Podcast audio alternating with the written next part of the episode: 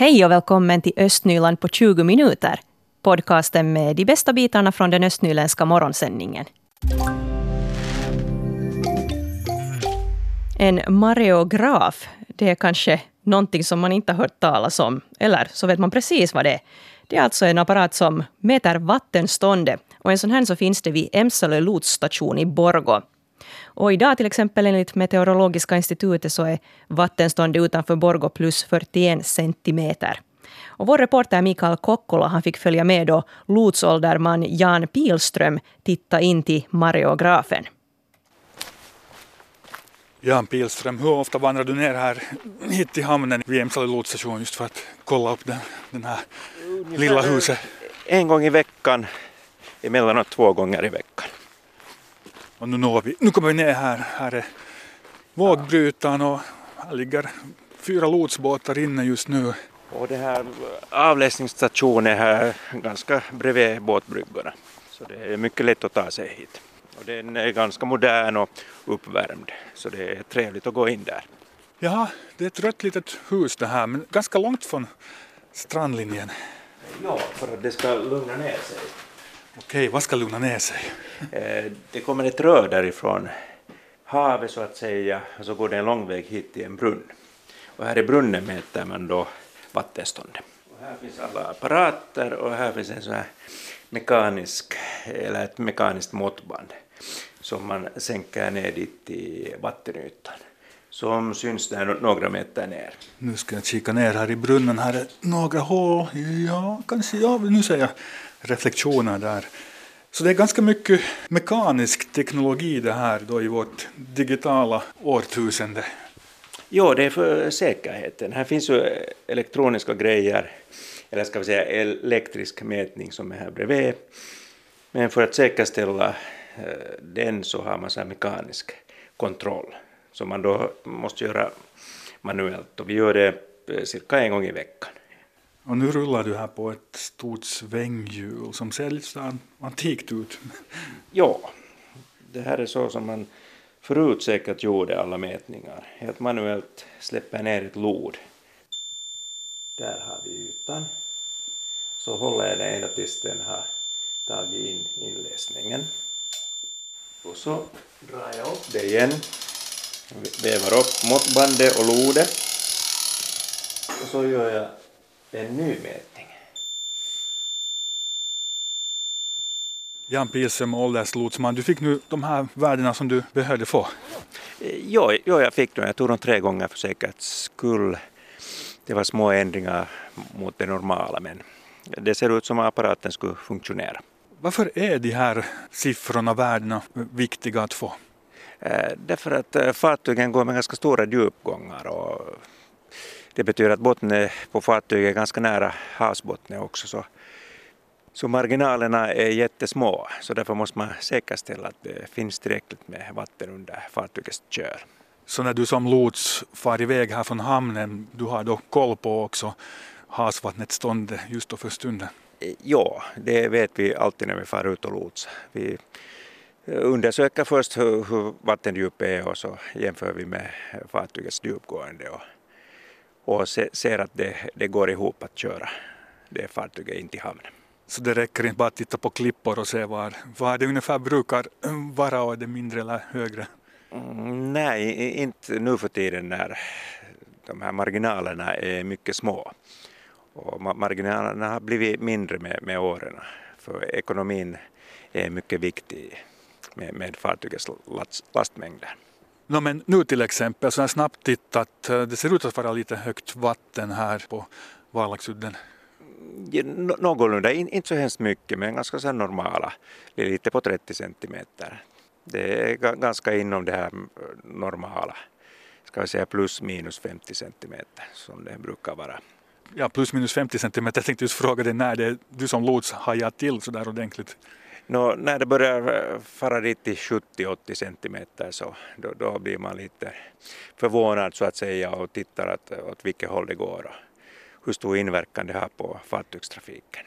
Vi har ju haft eh, vattenstånd som har varit då över minus 100 och då inverkar det ganska mycket. Så den här lilla röda stugan här i hamnen den en kugge här i nätverket som gör att det är tryggare att vara till havs. Ja, det är en ny kugge som vi har. Att, eh, förut så hade vi just mätstationer i Helsingfors och i Fredrikshamn och så hamnade vi och interpolera här mellan dem. Men nu har vi fått en ny mätstation därför att eh, hamnen här i Sköldvik är ganska stor och, och viktig för eh, finländska bränsletransporter. Den här vintern den har varit mycket speciell när det gäller vädret. Det gäller väl också då vädret till havs? Jo, det har varit mycket stormar vilket betyder det att vattenståndet har varierat också ganska mycket. Då när det är västlig vind och lågtryck på gång så, så har det stor inverkan då på de här djupgående för fartygen och hur mycket last de kan ta hit och föra ut. Och vi hörde här lotsålderman Jan Pilström och det var Mikael Kokkola som var reporter.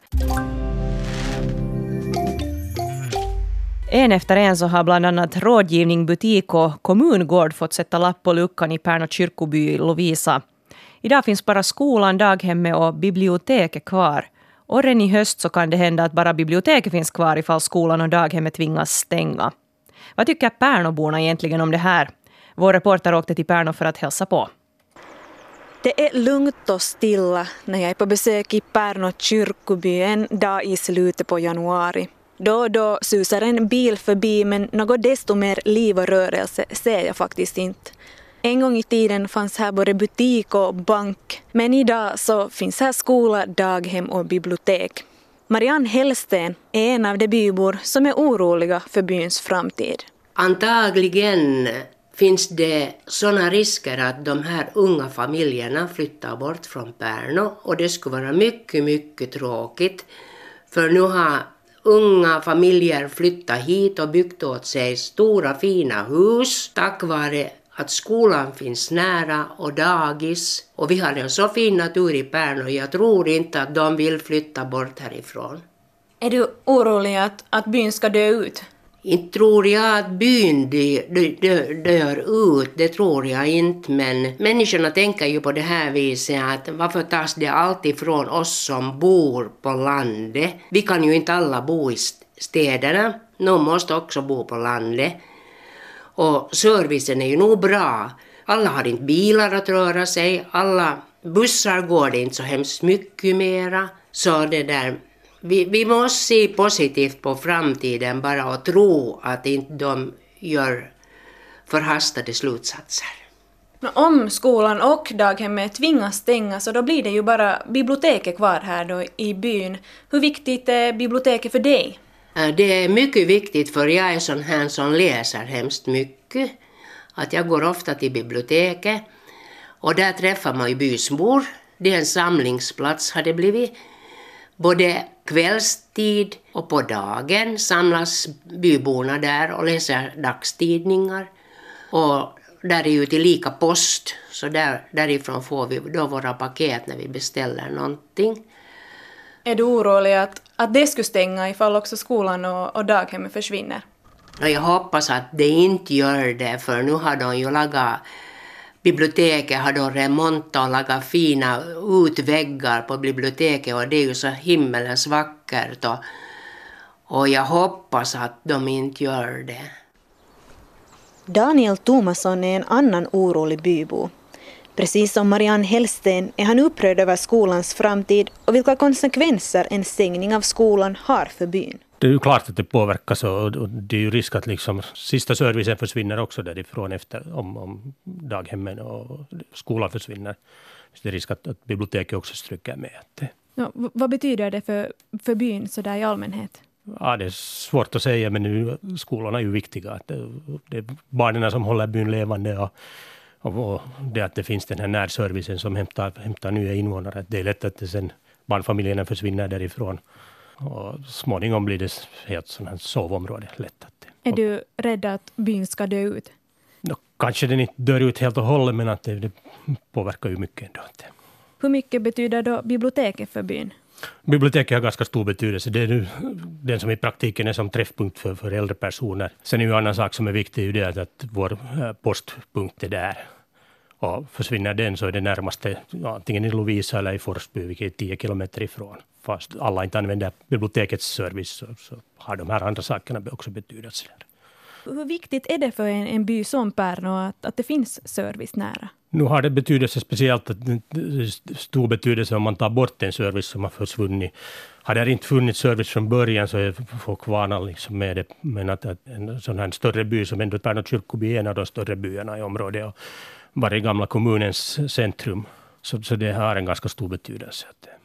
Behöver Pärnoborna nu vara oroliga för sitt bibliotek? Nej, menar i alla fall Lovisas stadsfullmäktiges ordförande Otto Andersson. Det var inte tal någonting om det här Pärnu bibliotek nu under hösten och det där, jag har inte heller hört några diskussioner. Man, åtminstone på tjänstemannanivå finns det inga sådana planer och, jag ser inte själv åtminstone heller någon orsak till att, att man skulle göra något. Och jag, som jag ser det så, så kommer biblioteket att finnas kvar. Vad kan Lovisa som kommun göra för att se till att, att Pärnu inte dör bort när all service flyttar bort? Jag tror ju inte att Pärnu ingalunda kommer att dö bort på grund av att, att skolan högst antagligen i och med fullmäktiges beslut kommer att försvinna. Vi kommer fortfarande ha ett brett skolnät i Lovisa och det är helt klart att det finns också andra, andra byar i, i Lovisa som inte har en skola men som är mycket livskraftiga för tillfället. Och det sa här SFP-politikern Otto Andersson och det var Rebecka Svedberg som var reporter. Nu ska det alltså handla om konståkning här i Borgo. Vi ska tala både om träningsmetoder och om hur föreningen Porvon Taitoluistelijat eller PTL mår för tillfället. I studion har jag nu vice ordföranden i föreningens styrelse, Petra Bojers från Borgo. God morgon. God morgon alla. Under de här senaste veckorna så har det stormat ganska mycket kring en konståkningsklubb i huvudstadsregionen där en eh, ansvarig tränare avstängdes i ett år från all tävlingsverksamhet och också från träningsuppgifter. Och det här på grund av osakligt och förnedrande beteende. Eh, flera där av, av de här personerna som den här tränaren hade jobbat med har vittnat om grova övertramp. Det har bland annat då varit osakligt språk gentemot de här uh, unga flickorna och pojkarna som den här tränaren har haft ansvar för. Den här tränaren har skrikit åt dem och, och förnedrat dem och till och med enligt då vissa källor där uppmanat konståkare att begå självmord. Och den här tränaren har då alltså ansvarat för både juniorer och seniorer. Hur reagerar ni här inom PTL när ni fick veta om det här fallet? No, nu var vi ganska uh, sor sorgsen av den här situationen. Att, att, eh, att det har varit, varit så här dåligt på deras sida. Att vi, vi skulle hoppas att, att den här grenen skulle ha, den, hållas, hållas bort från sån här illa, illamående. Att äh, tränaren borde, borde, borde tänka den här, hur, hur, hur sakerna går framåt och hur barnen, barnen behöver stöd i vissa åldern. Att nu, nu var det ganska chock till, mm. till hela, hela grenen. Ja. Nå, eh, hurdana träningsmetoder är då okej? Hur långt får man gå som tränare för att nå resultat? No, nu tycker jag att det, det ska, det ska, träningen ska vara, det ska vara roligt och det ska vara kämpande. Det ska, vara, det, det ska kännas som, som, som man skulle vara nästan hemma. Och, och eh, det, det, får inte vara, vara, vara så att man börjar att trycka för mycket. Det ska vara, det, det ska vara hobby äh, största delen av ändå alla, alla, alla de här föreningar som finns i Finland, vi är ganska många, äh, så vi, vi, vi har den som hobby, inte in som yrke.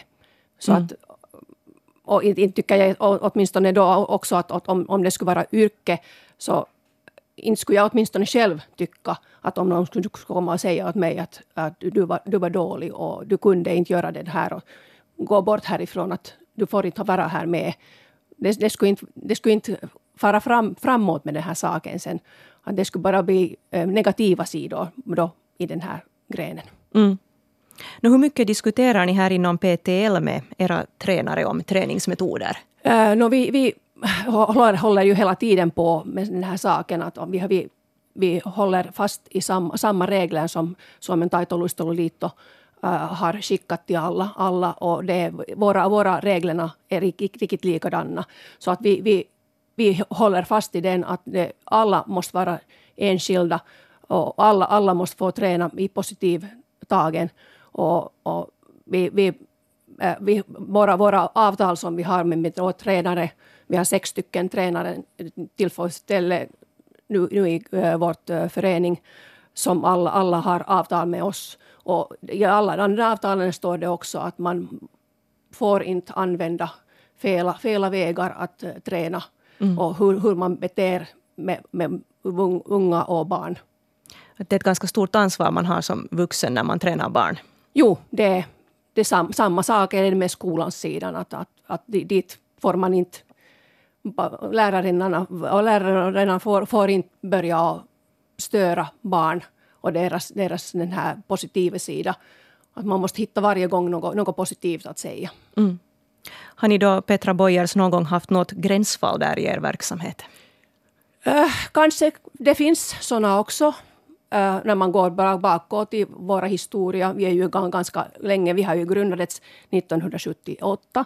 Så att det har hänt ganska mycket här på årtalen.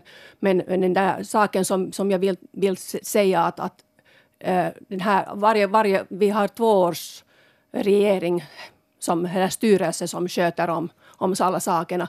Så vi önskar just att alla, alla sakerna skulle komma genast till oss. Eller sen just att man tar och talar med tränaren att om det har blivit några saker som har börjat tänka eller eh, det känns att, att att det har inte farit riktigt rätta vägar. Mm. Så önskar vi just att alla, alla så, så snabbt som möjligt kontaktar vår styrelse eller sen, sen våra...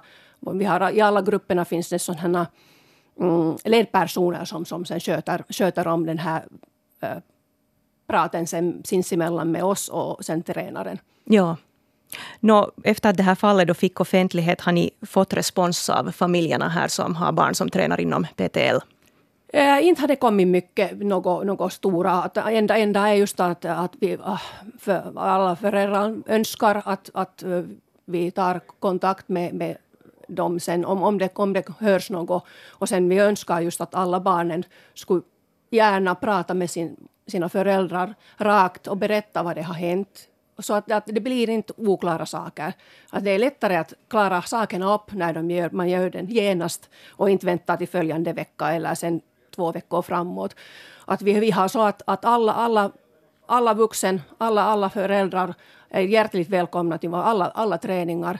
Att det, det finns öppna, öppna dörrar varje gång när de har träning. Så att det, det, det, eh, vi hoppas att det gör den där också att det, det är klart att då, då kan man hända inte så mycket när man vet att det kan när som helst komma någon och kolla hur det ser ut och hur man, hur man, hurdana metoder man använder.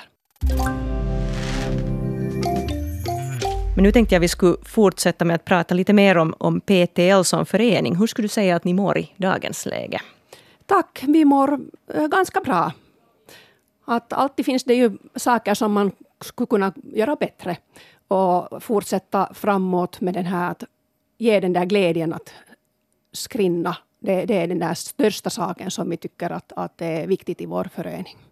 Och det som har varit nu en utmaning för er på sistone är det här med träningshallar här i stan. Jo, det har varit lite huller och buller. Det var, båda hallarna har varit borta en liten tid att, från användning och nu hoppas vi bara sen att, att Borgå stad får den där följande saken att, att börja pla, göra planer nu till följande nya, nya hallen och att det skulle vara sen tillräckligt med utrymme med, med konstbana så att, att vi, vi, skulle, vi och andra, andra isföreningar skulle ha den där tiden som vi behöver.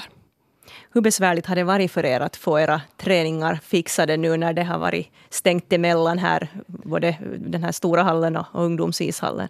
Nu har det varit lite att, att vi, vi, har, vi hade ganska stora, då, då när hallen var helt och hållet borta, så fick vi resa ganska mycket till Mäntsälä, Sipoo, äh, deras ishallen. Så att det blir ju ganska mycket kostnader också till sen alla skrinnare och föräldrar när de får sen skjutsa, skjutsa flickorna och pojkarna sen och skrinna till, uh, runt, runt hela den här östra Nylands vägarna. Så, så nu, nu har det varit lite kämpigt. Men nu, nu är vi, är vi riktigt nöjda. Vi är, vi är baka i, i stora hallen och vi får använda den nu till slutet av maj. Så att, att det troligtvis den här, slutet av den här säsongen var riktigt bra. Vi ska hoppas det. Eh, Nå, så där i övrigt, eh, vad satsar ni på för tillfället? Eh, vi satsar ganska mycket på skridskoskolan. Att det är en sån stor, stor sak till föreningen att, att vi får den där nya, nya äh, hobby, hobbyna så att alla, alla, alla skulle ha, ha den här möjligheten att träna skrinna. Så att den, den här mågan skulle vara redan färdig då när barnen börjar skolan. Östnyland på 20 minuter är en Svenska Yle-podcast. Det finns flera poddar på arenan. Jag heter Katarina Lind. Tack så mycket för sällskapet. Vi hörs.